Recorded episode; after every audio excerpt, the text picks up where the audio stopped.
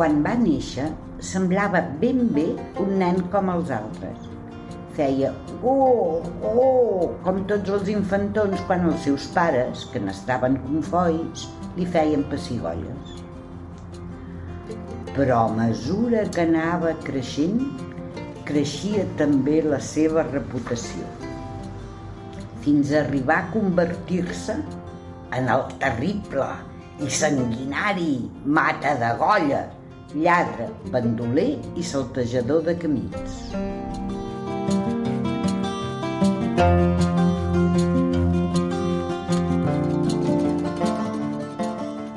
Un, dos, tres, quatre, cinc. Sigueu benvingudes i benvinguts altra vegada a Tàndem.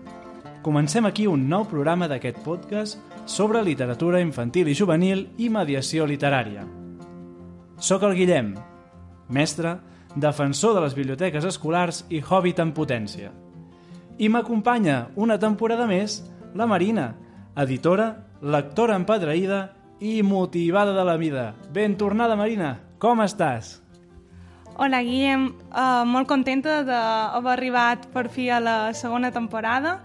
Um, sempre m'intent fer la misteriosa, uh, xerrant que estan molt contents de tenir que convidat, però en realitat tothom haurà llegit el títol, quin convidat és. És un dels personatges majúsculs de la Liga al nostre país i probablement un dels culpables de que avui en dia tinguem un podcast sobre literatura infantil i juvenil. A més, aquesta setmana, en el marc de la Setmana del Llibre en Català, ha rebut el Premi Trajectòria per la seva contribució a la visibilització de la Liga en català. És la Teresa Duran. Uh, la tenim aquí. Hola, Teresa, com estàs? Hola, jo estic bé i asseguda, que és estar molt bé. Uh, protesto perquè no sóc una figura majúscula, faig metro cinquanta, vull dir que segur que sóc minúscula, i m'han donat un premi que no sé per què, vull dir que els hi deu haver picat un virus que no es diu corona, però conec ben bé 15 persones que mereixen un premi a la trajectòria. Vosaltres no diríeu que un premi a la trajectòria és un premi a algú que tota la vida s'ha esforçat, que té una línia de recerca clara, que ha afavorit el català com l'Albert Gené o que ha enaltit el català com en Miquel Desclot, que tradueix de Shakespeare a, a llibres per molt menuts, com aquell meu de Calandraca. I jo sóc en cul d'en Jaumet. Vull dir, jo no he fet mai una feina seguida. O sigui, per sort, bueno, un consell que us dono, no vulgueu ser mai el meu biògraf, perquè perdreu el fil, perdreu el fil. És difícil saber què sóc. Fins i tot una vegada Hisenda m'ho va dir que jo era una aberració fiscal. Home, això ho havíem notat, perquè normalment quan fem una entrevista o busquem una mica de biografia i, i la presentem, no? És això, clar, i amb tu ens pensava que escriptora, traductora, il·lustradora, investigadora, no sé què... Ai, ostres, eh, sí, de defensora de la literatura infantil, això sí, i, i bueno... Però, mira, saps què? T'ho deixem a tu. Teresa, qui ets? O qui és la Teresa Duran? El cul del Jaumet. Podem deixar així. Sí. Doncs tenim el cul del Jaumet amb nosaltres, o sigui que fantàstic. Eh, sempre has sigut molt lectora, des de ben petitona? Sí, fins i tot des d'abans de saber llegir. Hi ha una anècdota cèlebre a casa, que és que bé, a casa meva hi havia molts llibres, no hi havia ni televisió, ni cotxe, ni ordinador, que això costa d'imaginar, però hi havia molts llibres i sempre en llegien. I un dia la mare, la tieta i la meva germana gran havien sortit a comprar o vés a saber i quan van tornar, jo tenia dos anys i mig, estava assegudeta a l'orinal amb el conte d'un aneguet obert i anar dient, i va anar cap aquí, i va dir, eh, què tal? O, I es van quedar congelades, van dir, ha pres sola a llegir, està llegint sola. I la meva germana va fer el xivato i va dir, que no, que té el llibre cap per avall. I jo m'estava inventant la història, però jo vaig protestar i vaig dir, què passa? Jo llegeixo a la meva manera. I encara ara crec que llegeixo a la meva manera. Um, I Teresa, dins aquest... Um, bueno, m'ha quedat clar que des de petita t'ha agradat inventar històries Sí. i llegir. Uh, però com es va començar a dedicar-te a la LIC? Va ser una cosa premeditada, una elecció, un accident? Ara sí que m'esmor. Bé, jo ho atribueixo a això que us dic, que sóc baixeta. Uh, a casa meva tenien molts llibres, però gairebé tots eren d'història. Vull dir que no compraven un llibre que no pesés mig quilo. I, a més, tots eren més grans que jo. El pare era més gran que jo i, a més, germà gran. La mare era més gran que jo i, a més, germana gran. I la meva germana era germana gran. I es passaven el dia mm, preguntant-se història de bo de bo, de dir Jaume I, quan conquereix l'illa de Mallorca, que va menjar per sopar, i coses d'aquestes. I jo pensava, mai sabré tanta història com saben aquests. I això, el clan dels germans petits, que si un dia féssim un sindicat també seria una cosa bona, eh, no ho podem suportar perquè dius, jo no puc competir amb això. I aleshores vaig decidir que en comptes d'explicar història de bo de bo, me la faria venir a la meva manera, ja me la inventaria jo, la història. Cosa que posa molt nerviosa la meva germana, que me la inventi i la posa, la treu de polleguera. Però és una manera... Però no ho sé, a veure, la veritat és que quan vaig a les escoles molts nens m'ho pregunten, quan vas començar a escriure? I els hi has de dir la veritat, exactament com vosaltres, entre els 4 i els 5 anys vaig començar a escriure. Que després hagi continuat és una altra cosa, però tots comencem igual. Com tots comencem a sumar igual, o tots comencem a pintar igual. A la mateixa època que després et vagis decantant cap un cantó cap un altre, no depèn de tu, depèn dels altres. Són els altres que de cop i volta decideixen que tu ets escriptor. És a dir, hi ha gent que pinta cada dia. I és el públic que diu, aquest és un pintor. O hi ha gent que cus cada dia i no això el fa ser un sastre o una modista. I moltíssima gent cuina cada dia i no és cuiner. Vull dir, l'etiqueta, l'ofici, depèn dels altres, no depèn de mi. I per tant, els teus primers passos dins de tot aquest món van ser a través de l'escriptura. bueno, primer la lectura, que ja hem vist, no? i després l'escriptura. I després, clar, has anat diversificant tot aquest tema, no? Si traductora, que si il·lustrador... Sí, però sense voler. Sí, tot això ha sigut allò, ha anat venint, diguéssim. A veure, per mort de la història de veritat, i ara serveixo la meva germana, eh, primer vaig il·lustrar. La primera cosa que publico és una il·lustració en una revista que ja no hi és, que es deia Tintín. Però després jo feia, com molts estudiants, feia de cangur, que això, els que siguin estudiants ja saben de què va, i un dia vaig dur els tres nens que d'aquí feia de cangur eh, a veure el Museu Picasso i els estava explicant tota la sèrie aquella de les manines i quan em vaig girar hi havia tot d'alemanys escoltant-me. I això que jo parlava en català puríssim però es pensaven que jo era la guia. I jo em vaig quedar tan parada que vaig pensar "Mm, als nens els agrada l'art i, i, i no sé per què no en fem més d'exposicions per nens. I llavors ja estava subscrit a Cavall Fort i vaig escriure una carta en català correcte eh, perquè jo havia anat a una escola en català i la vaig enviar a Cavall Fort dient, escolteu, llogarem el tinell, els museus ens deixaran quadres, els exposarem i uns monitors explicarem la pintura. I a Cavall Fort em van cridar i jo em vaig fer monyo per semblar més gran. I hi vaig anar al Consell de Redacció i em van dir, Beneita, que no ho veus que els museus no deixaran els quadres, que no ho veus que això ens costaria un picot d'assegurança i que no ho veus que això no pot ser. I em van convèncer, però em van dir, però tu et quedes. i em vaig quedar tota aquella reunió i vaig aprendre més en aquelles dues hores que en totes les classes que duia a la universitat.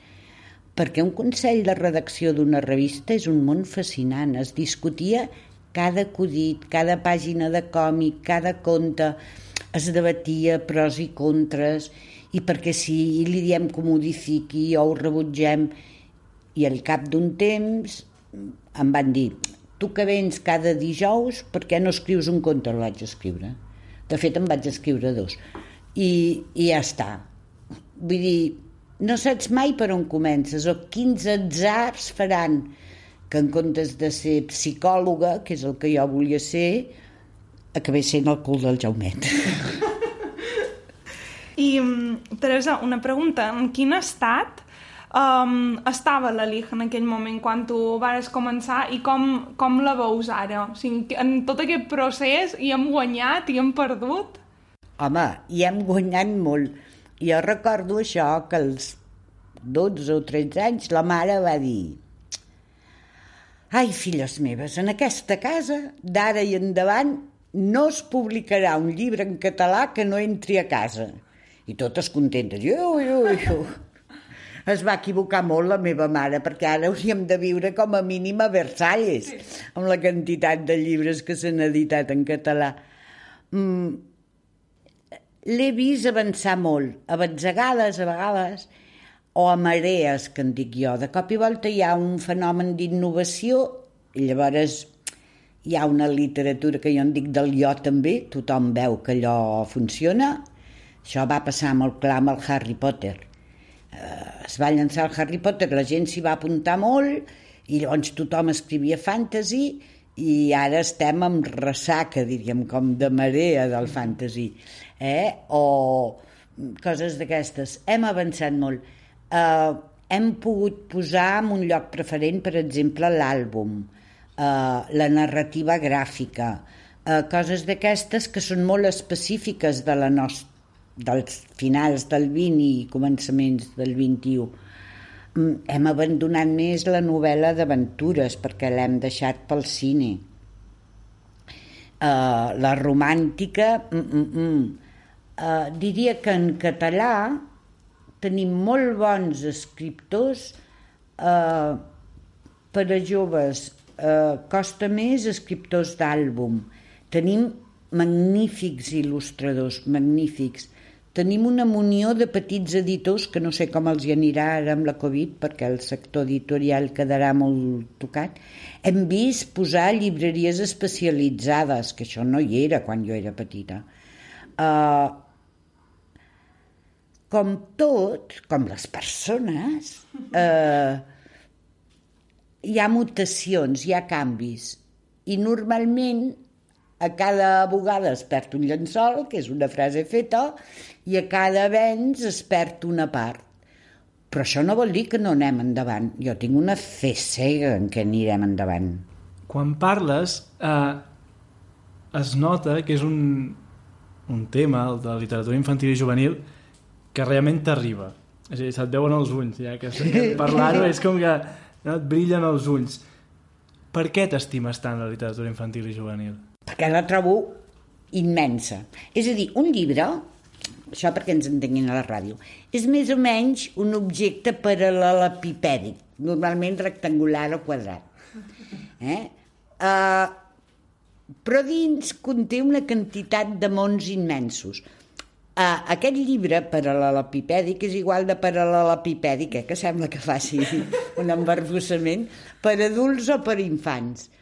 Només que els adults s'ho perden, perquè el d'infants acostuma a tenir il·lustracions i una maquetació gosarada i una lletra grossa, que pels que tenim 70 anys és ideal, entens? perquè no necessitem ulleres. I, i un bon ritme, perquè la cosa funciona i pot ser en vers, en prosa, de ficció i de no ficció. I els grans mm, crec que sovint s'ho perden, tot aquest... En un llibre per infants, sigui de ficció o de no ficció, ni que sigui un atles, que per mi és un altre tipus de llibre impressionant. I és tot a un preu molt barat. Eh, ara se m'escandalitzaran. Però, si recordeu, els que tinguin una edat més o menys com la meva, eh, recordareu els llibres miniats, les bíblies aquelles medievals i tal. Allò costava l'equivalent, un llibre d'aquells costava l'equivalent a un ramat de 800 vaques. Ara no és possible entrar en una llibreria amb 800 vaques per comprar-te un llibre. No pot ser, vull dir, l'hem abaratit molt, l'hem democratitzat molt, i això és tan important, aquest avenç democràtic del llibre, i n'estic molt cofoia, la veritat. Cada llibre és una sorpresa, cada autor és una sorpresa i cada il·lustrador és una sorpresa i, i creix la cosa, creix. Um, Teresa, uh, xerràvem de la quantitat de, de projectes que has tocat. Tu, tu mateixa deies que la persona que hagi de fer la teva biografia tindrà, tindrà molta feina. Um, tens algun projecte o alguns uh, que siguin els teus preferits, que els recordis amb, amb, amb un cert amor més que els altres? Sí. Mira, el primer no ho podeu veure. Uh, és una exposició que es va dir Contes de Fada, que és la primera exposició que vaig fer, perquè la Fundació La Caixa, que es dedicava a la dinamització lectora, eh, em va dir, volem fer una exposició, això la Fundació La Caixa, eh, que jo també aquell dia em devia pentinar bé, eh, sobre contes de fades. I jo vaig replicar amb la meva impertinència habitual, no, no la farem de contes de fades. La farem només de les fades. I, la vam fer, érem un equipet de quatre, i a més me'n recordo anar a la perruqueria i dir, m'hauries de fer un tirabuixó de color blau perquè una de les fades més importants és la fada del, dels cabells blaus d'en Pinotxo i ho vull posar en una vitrina i m'ho van fer i em van buscar un rulo especial que el havien dut de França per posar tot el tirabuixonet blau. Mm, coses d'aquestes.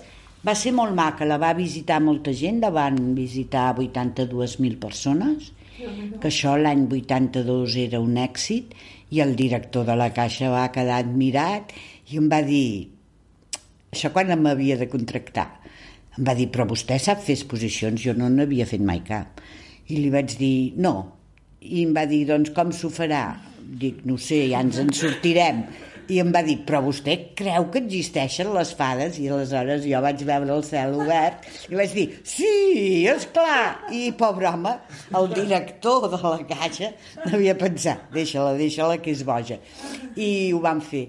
Recordo molt bonica el personatge a la vista, que es va fer el Palau Robert l'any 2004, que érem un equipet una mica més gran amb un dissenyador fantàstic que és en Pep Anglí uh, i aquesta la van visitar 265.000 persones.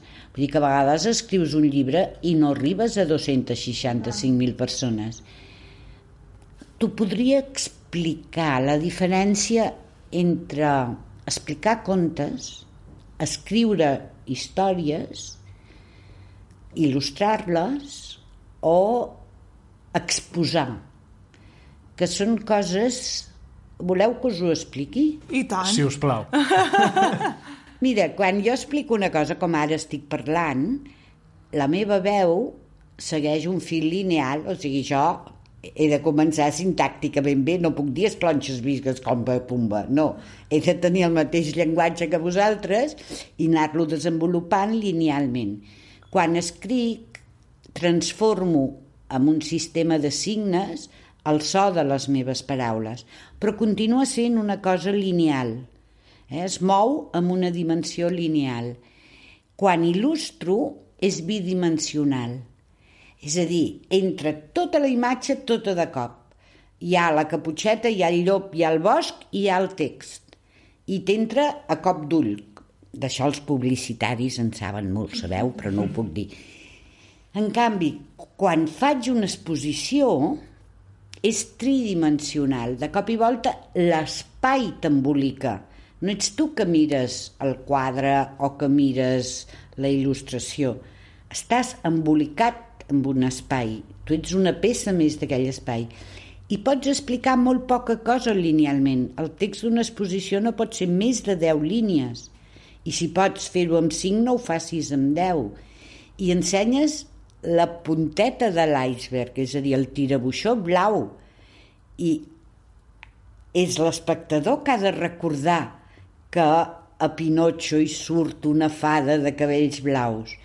És a dir, és tan participatiu i a més quan fas una exposició no saps mai qui hi anirà.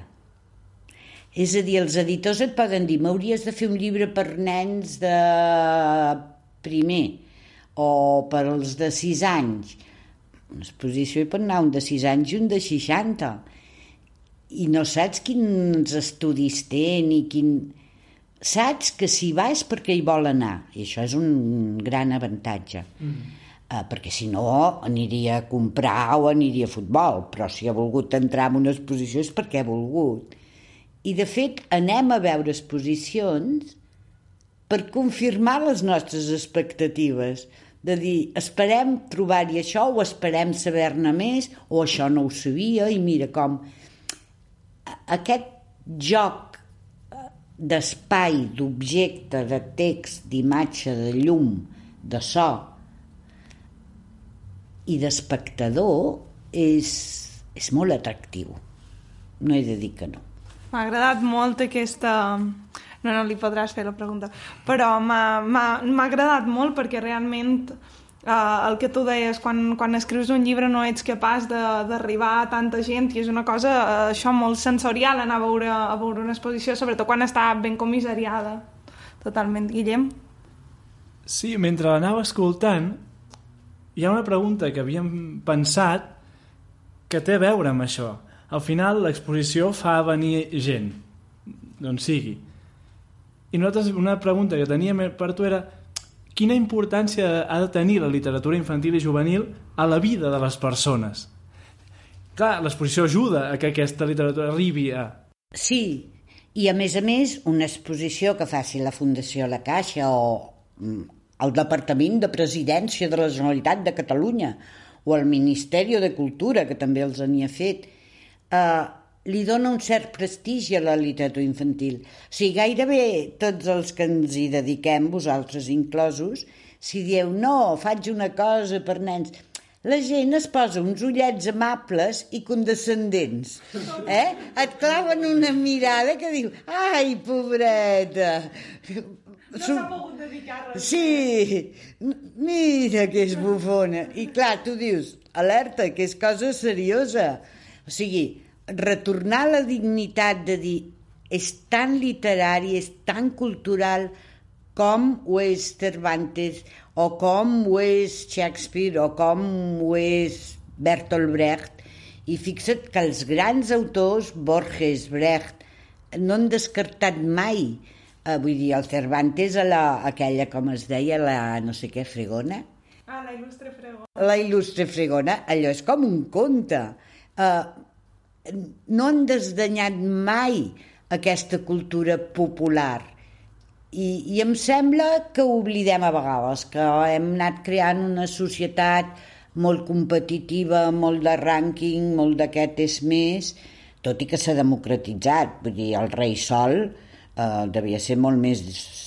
Uh, bueno, és l'únic rei que jo conec i a més em fa molta gràcia. Va arruïnar la noblesa a base de llaços i cintes eh? i sabates de taló. Vull dir que la noblesa se la pot arruïnar de moltes maneres però amb cintetes? No el trobeu encantador? És un personatge sublim. Doncs jo crec que no es pot menysprear eh, tot allò que fa cultura, tot allò que fa cultura.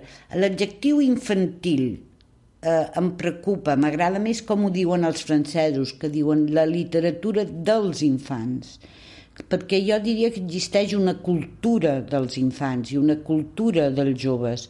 Si tu dius infantil, sembla que diguis pueril, poca cosa, mm, esquifit, desnerit, i dius, no ho és, no ho és. O sigui, que una caputxeta, la primera versió de la qual es troba en tauletes de l'antic Egipte, molt evolucionada. Alerta, hi ha poques obres que travessin tants segles, eh? Molt poques. Alguna cosa deu tenir. I crec que com que tots hem començat per aquí, no pots renegar dels orígens. És a dir, en paraules cultes i perquè es noti que això no són falòrnies, direm, qui perd els orígens perd l'identitat i quedarem tan satisfets. Ximpon.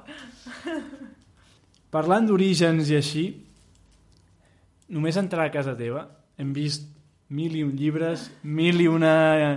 Eh, bueno, ja... Hi ha llibres per tot arreu. Sí. Com... No, menys el menjador. Aquí n'hi ha molt pocs, és veritat, però en general n'hi ha molts. Um, com és la col·lecció de llibres de la Teresa Duran? Heterogènia. A veure, uh, és una col·lecció feta a poc a poquet, a vegades abans més, però a vegades hi ha editors que me n'envien perquè a vegades faig crítica. Uh, però normalment són comprats, triats.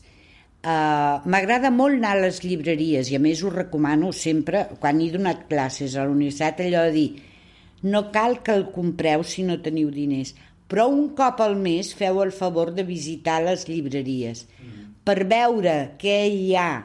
Vull dir, si no ho pots comprar no ho compris. Ja hi ha biblioteques que t'ajudaran a llegir però mira com evoluciona el llibre a mi m'agrada molt anar de llibreries, m'agrada molt anar un cop a l'any a París i a la Fira de Montreuil. He pervertit a molts llibreters, hi ha moltes bibliotecàries, portant-les a Montreuil, però no he pogut pervertir mai cap editor. Mm, mm, mm, mm, I, i tornem amb sacs plens, que és una fama que tinc, que jo torno amb una maleta plena de llibres. Nosaltres aquesta fira la tenim pendent. És una d'aquestes que hi hem d'anar... I heu d'anar amb la maleta. Et dic l'equipatge. A l'equipatge posa, o sigui, encara que sigui París, que té fama de ciutat de la moda i de glamour, hi poses la roba més tronada que tens. El cul de la pasta de dents que queda. O sigui, just per quatre dies de fira, quatre dies de pasta. Tot. Llavors, a París vas comprant tot el que t'agrada a Montreuil. Montreuil és un bar, ja és fora de París, per això la fan allà, és com si diguéssim a l'Hospitalet, que correspondria al Baix Llobregat i no a Barcelona mm. capital. I aleshores, quan ja tens tots els llibres i tots els companys de viatge et diuen però tu com ho duràs això si fas metro 50? Tu dius, cap problema, també he dut una bossa d'escombraries on poso tota la roba vella i tronada i la tiro al container de reciclatge, eh? No hi ha problema. I torno tot llibres. Mira, que més volen consells per viatjar a Montreal quan, de, de mà de la Teresa Duran, que ja és una experta. Hi he anat moltes vegades, des de l'any 1 de Montreal i aquest any era el 30, no sé si la podran fer o no. Clar, nosaltres, els nostres plans eren anar-hi aquest any, però... Mm, pinten bastos, no sé si la faran virtual. Però bé, hi anirem, hi anirem. Sí, una hora o altra, la vostra vida hi heu d'anar. Sí, i carregarem. Amb una bossa d'escombraries. Amb una bossa d'escombraries. O sigui, tu marxa amb una maleta, perquè després els llibres pesen molt i si la maleta té rodes, millor, eh? Així, quants llibres tens, més o menys, Teresa? Uns 5.000. 5.000? Ostres, mira, n'hi ha més que la biblioteca de la meva escola, em sembla. Però és sense voler, és per l'edat. I tens algun, alguna edició, algun llibre que diguis aquesta és la meva, la meva joia? Sí, en tinc algun. En tinc algun que m'agrada molt.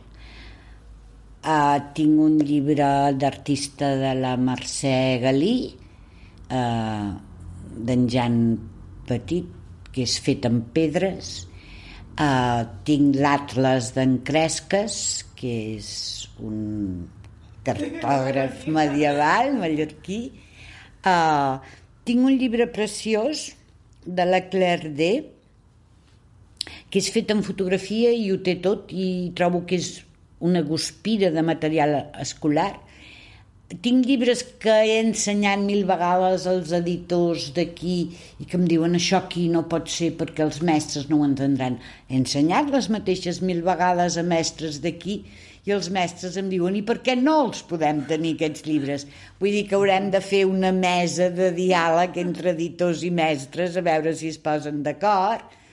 Uh, venen sovint bibliotecàries aquí que els convido a berenar però no se'm mengen el berenar perquè em queden encantades, em queden allí a la llibreria, no paren de treure llibres i no em mengen i després m'he de passar tota la setmana jo menjant croissants i em surt panxa. Um, Teresa, uh, així, perquè volen que ens treguis més, més llibres uh, aquí a la conversa, quins serien els llibres fundacionals o que envia vides de la Teresa Duran, aquests llibres que t'hagin marcat al llarg de la teva trajectòria? A mi, al llarg de la meva trajectòria, segurament el que més m'ha influenciat és Italo Calvino, perquè el vaig llegir al moment just, als 17 anys, El cavaller inexistent, i va ser allò de dir, ospa, això es pot fer, això es pot escriure. Després, en la línia de Calvino, també hi ha Rodari, que l'he traduït molt i tot això, uh, que tenen aquesta facilitat de pensar el possible. Uh, M'agrada molt en Rascal, que tenim poc editat d'en Rascal aquí, però m'agrada. M'agrada en Jean Lecointre. Uh, m'agrada molt Chekhov, per exemple. És un dels que li sóc més fidel. Uh, tu vols dir llibres de nens? El que tu vulguis, aquests llibres que t'hagin canviat la vida d'alguna manera. L'Hugo Prat i el Corto Maltese uh, va canviar la vida perquè vaig aprendre francès i continuo traduint del francès El petit príncep del Saint-Exupéry. Uh, la Yela Mari, a nivell de disseny gràfic, el sendac i sobretot a la cuina de nit del sendac, perquè a mi m'agrada molt cuinar. Uh, el Tommy Ungerer perquè és un impertinent i jo mm, potser us aneu adonat però hi tendeixo a ser molt impertinent molt les rondalles populars totes eh des d'en Jordi Desracó eh, el Casa Ponce, el Bertran Ibros, sempre llegeixo contes populars i cada cop més de cultures més allunyades, és a dir, els africans, els orientals i així. M'agrada. O sigui, em, em reconforta llegir-ho. Això és una, un tema interessant. Clar, estem en una època en què es, es fan molts llibres, moltes coses, hi ha gent que recupera contes populars, però també hi ha un cert debat amb això. I tant. Tu què en diries? Tu ets defensora dels contes populars. A ultrança. A ultrança. És a dir, diria que qui critica la rondallística perquè és masclista, perquè és violenta, o no n'ha llegit gaire o només n'ha vist la versió de Disney. Mm -hmm. Que això també passa, eh? Que es confon, es fa passar bou per bèstia grossa. Uh, ningú pot estar absolutament convençut que els contes que va sentir Perrol fossin els mateixos que ell va escriure i ningú pot estar segur que els contes que van sentir els Grimm siguin els mateixos que va sentir en Jordi Desracó. És a dir, a cada segle adaptat els contes a les seves maneres de viure. És a dir, no hi ha cap problema a que tu et facis teu l'eix de la rondalla. Que dius, avui en dia no es pot anar a comprar un centimet de safrà, com fa en Patufet, perquè et donarien una molècula de safrà per un cèntim, uh, d'acord, però el compte no variarà si tu dius vaig a comprar-me un euro de safrà. no, no passarà res si canvies un cèntim de safrà per un euro. El conte continuarà sent el mateix i és antic, és molt antic, amb una afegitó que deu ser d'espectacle de titelles del 19. És a dir, el nen petit que és engolit per un bou no és més que la reencarnació de Júpiter. Aquest bou és Júpiter i és el naixement de l'humanitat. Uh, L'afegitó d'anar a comprar el sentiment de safrà i la cançó patim, patam, patum, aquesta és afegida, segurament deve ser un espectacle de titelles i ha quedat en la cultura catalana, però no pas en les altres. Eh? Uh, diria que cal distingir i saber-ne del llenguatge simbòlic. Un rei no és fronçosament un monarca ni un borbó. Un rei és el superlatiu. És més fàcil dir un rei que no el que mana més, que ja és una frase llarga. Una princesa no és forçosament eh, un personatge de Lola, una princesa simbolitza sempre allò que de més alt i més elevat i més pur hi ha dins l'ànima humana. Cap d'aquests reis, cap d'aquests prínceps ha regnat mai a cap país. No se'n pot fer la història, tot i que ho vaig intentar una vegada, fer l'arbre genealògic de la dinastia rondellística. No es pot. O ja es podrà més endavant. Però em sembla que cal conèixer el llenguatge simbòlic. El drac eh, que dibuixem com un dinosaure, eh, no és més que les pulsions més baixes del, del nostre... Per això sempre sotgen menjar-se la donzella. Entens? Llavors, si tu entens el llenguatge simbòlic i el transmets en un moment en què la canalla practica el joc simbòlic, que a vegades és un Spider-Man o a vegades és qui sigui, mm, els nens és molt important que, que, que posseixin el bagatge del joc simbòlic. Per tant, si alhora els hi servim històries carregades de símbols... Ai, t'ho diré amb una altra frase culta. No hi ha res com la ficció per entendre la realitat la fórmula E igual a mc al quadrat és pura ficció. No existeixen MCs als quadrats, no existeix, això no va pel carrer, no agafa l'autobús. Hem trobat un símbol que ens diu tota la teoria de la relativitat. I amb aquests símbols els científics hi juguen. I experimenten i fan coses.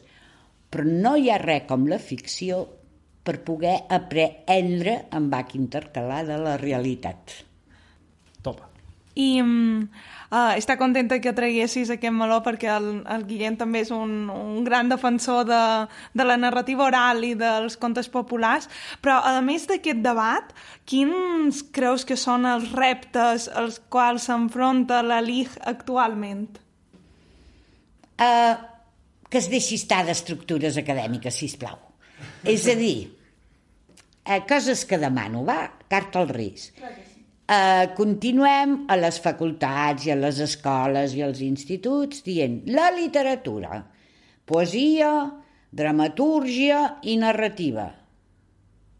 Ai, que sí que ho heu après així? Doncs bé, resulta que cap a principis del 20 i sobretot a la cua del 20 va sortir una cosa derivada de la dramatúrgia que era el guió.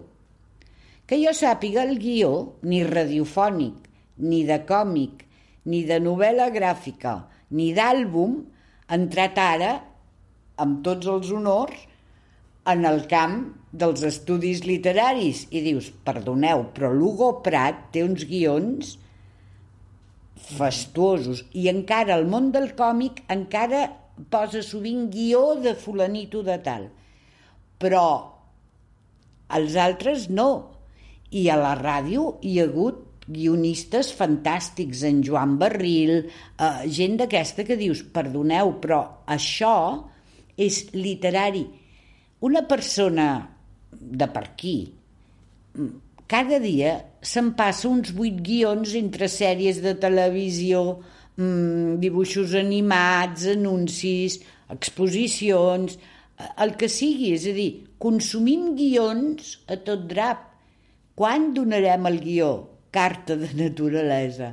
Quan serem capaços de veure que ens nodrim de guions més que de novel·les o d'altres coses en general? Hi ha molt per fer, per això no ens podem morir, perquè hi ha molt camp per córrer.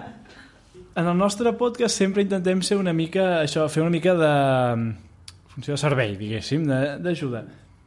Si algú pel que sigui ens està escoltant per primera vegada i diu, ostres, que existeix una cosa que es diu literatura infantil i juvenil, m'agradaria descobrir-la, per on ha de començar? Per l'abecedari. No, no, ho dic de debò, perquè també segurament és el llibre més venut del món, però no surt mai a les llistes de llibre més venut. No, no surt. I, i ho és, eh? Et prometo que segurament se n'han vengut més exemplars que de la Bíblia o de l'Àgata Christie, però bé, deixem-ho córrer. Cometem errors. Uh, jo diria que uh, ha de començar d'una manera... Depèn... És una persona gran la que em preguntes? Sí, ara estava pensant en un adult. En un adult que es vulgui començar eh, sí, a lectures bàsiques per, per, per endinsar-se dins el món de la LIG. Mm, jo diria que ha de començar per un bon àlbum. En aquest aspecte els de Tommy Unger anirien bé perquè no rebaixarien el seu cervell o no se sentiria ofès en la seva dignitat. Eh, diria que pot eh, llegir molt bé un Joachim Broger o una Susanne Rotraut Werner. Uh, diria que en català um, en Miquel Rayó li aniria bé uh, Júlia i el Vern, per exemple, funciona molt bé, és molt digne. Uh, però segurament li diria, primer de tot, digue'm un llibre d'adults que t'hagi agradat, molt, i que esperis trobar la mateixa emoció en una cosa més petita i més insignificant que sigui reputadament infantil. Si em diu segons quin llibre, podré trobar un paral·lel. Eh? Vull dir, recomanar així a part de l'abecedari, que sí que el recomano molt, mmm, perquè a més els grafistes han trobat uns jocs amb els abecedaris fastuosos. Eh? Uh, recomanaria Rascal, recomanaria Xavier Docampo, Xavier Docampo m'agrada molt, Agustín Fernández Paz, Fernando Lalana, eh, Josep Vallverdú, l'home dels gats. Eh... Perquè si estéssim parlant més de, de bibliografia, com, com, no sé, jo per exemple recomano el, el teu llibre d'Uni un fan cent per, perquè et fas una mica una idea de quins són els personatges literaris més importants, um, surts d'allà amb una, amb una llista mm -hmm. ben engreixada de lectures, Quin, quins recomanaries com a bibliografia? teòrica, diríem. Bibliografia teòrica. Sí. Oi, mare de Déu. Un que es diu Àlbumes de Caré, em sembla que hi és tot i és molt simple. Recomanaria en Joan Portell i no sé quina noia eh, l'han fet entre el dos. Els adolescents, sí. la Gisela Ruiz, que tenim un programa amb la Gisela Ruiz, per cert. Exacte. Uh, d'en Vicent Jordà en té un i n'hi ha prou perquè encara que la facultat ens fa llegir un llibre teòric rere l'altre en un quadrimestre, això és un disbarat. Mm. Els llibres de teoria i d'assaig a vegades demanen un quadrimestre sencer per acabar-te'l tot, subratllant, lligant caps, eh, empassant-ho. Uh, jo diria que te n'has de comprar dos o tres l'any i para de comptar, no, no, no m'agraden bibliografies que siguin de 50 llibres, mare de Déu. M'agrada, m'agrada. Eh, I aquest any, aquesta temporada, hem, hem, hem pensat en posar una petita secció dir-ne secció és dir-ne molt perquè de fet som la Marina i jo i ja està, vull dir que seccions i el micro, i els micros encara que avui ens, un ens ha fet una mica la punyeta. Que anàvem a titular-la la pregunta infantil. Però sentint-te tu potser en direm la pregunta dels infants i així seguirem la lògica. Així que la Teresa Duran acaba de nomenar i de posar nom en aquesta secció serà la pregunta dels infants. Si ella ole, ole, i tant. I la pregunta que, que ens han fet, i de fet que et fan a tu, és... N'hem escollit una, així, que ens ha fet gràcia. Què passa si no m'agrada llegir? No passa res. Pot passar més si no t'agrada menjar, és més greu. Uh, T'ha d'agradar llegir. És que tu no ho saps, però de fet llegeixes. El que passa que no sempre llegeixes text, perquè estàs llegint quan distingeixes una poma d'una llimona, i això ho fas molt bé. Estàs llegint quan saps que el semàfor està en verd o en vermell. Estàs llegint quan saps si les fulles dels arbres s'assequen bé la tardor. Tot això és llegir. Però clar, a tu no t'agrada llegir, per tant, deixem-ho córrer. M'ha agradat molt aquesta resposta. De fet, um, això, aquesta pregunta dels infants, um, normalment utilitzaràs material dels teus alumnes, um, però n'hi ha a fer aquest tipus de preguntes que segurament a nosaltres, dins la nostra lògica d'adults, que estem ja ben educats, um, no ens sortiríem fer, i una pregunta com, com aquesta, tan bàsica com què passa si no m'agrada llegir. I estem arribant ja a l'hora de programa, i, però abans d'acabar, tres, el, en Guillem sempre, als nostres convidats, fa tres preguntes que els hi diem les preguntes misterioses. Ah, ah, ah, ah, ja tremolo. I això que és l'estiu. I um, et deixarem amb el Guillem, que et farà aquestes tres preguntes sorpresa, que es. Dispara, Guillem. La primera. Ah, ah. Digue'ns un personatge de la literatura infantil i juvenil que et caigui realment malament. La senyoreta Rottenmeier. em cau fatal. Algun motiu en especial? Sí, és aspre.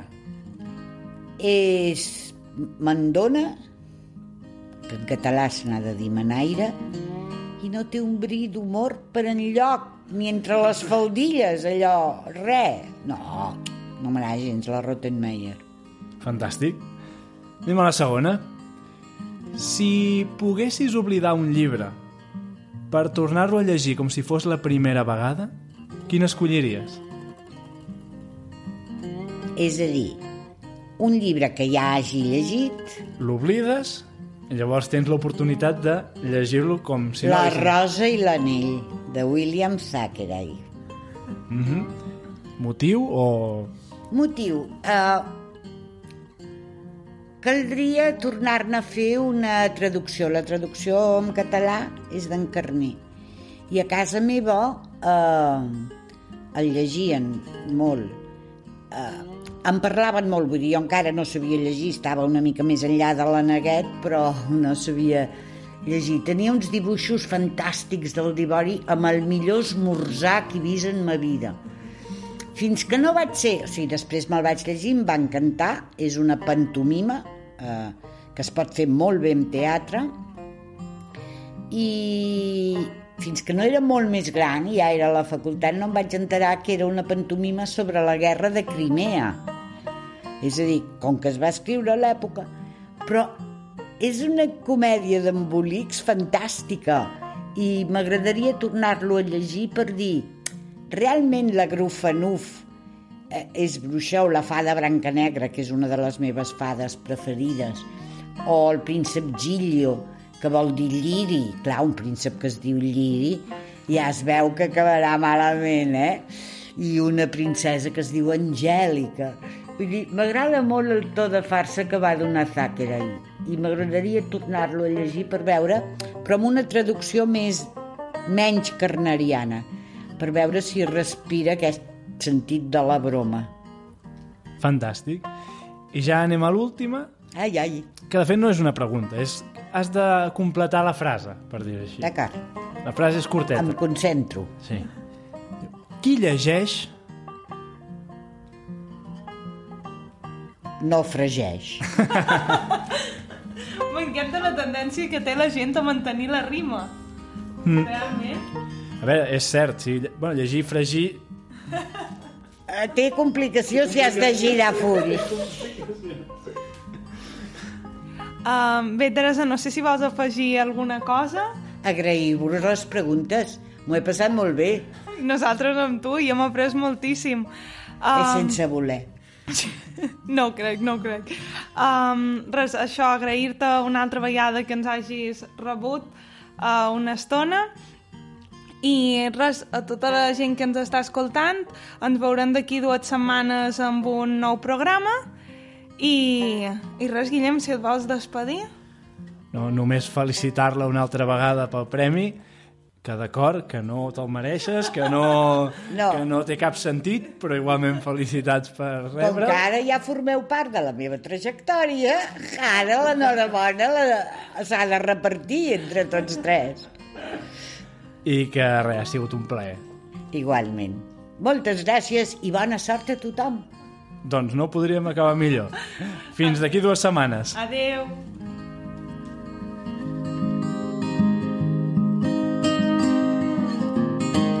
Aquest programa s'ha acabat, però recorda que tens totes les notes a aquest podcast amb els llibres citats i tota la informació del que hem parlat avui a lletraferits.cat.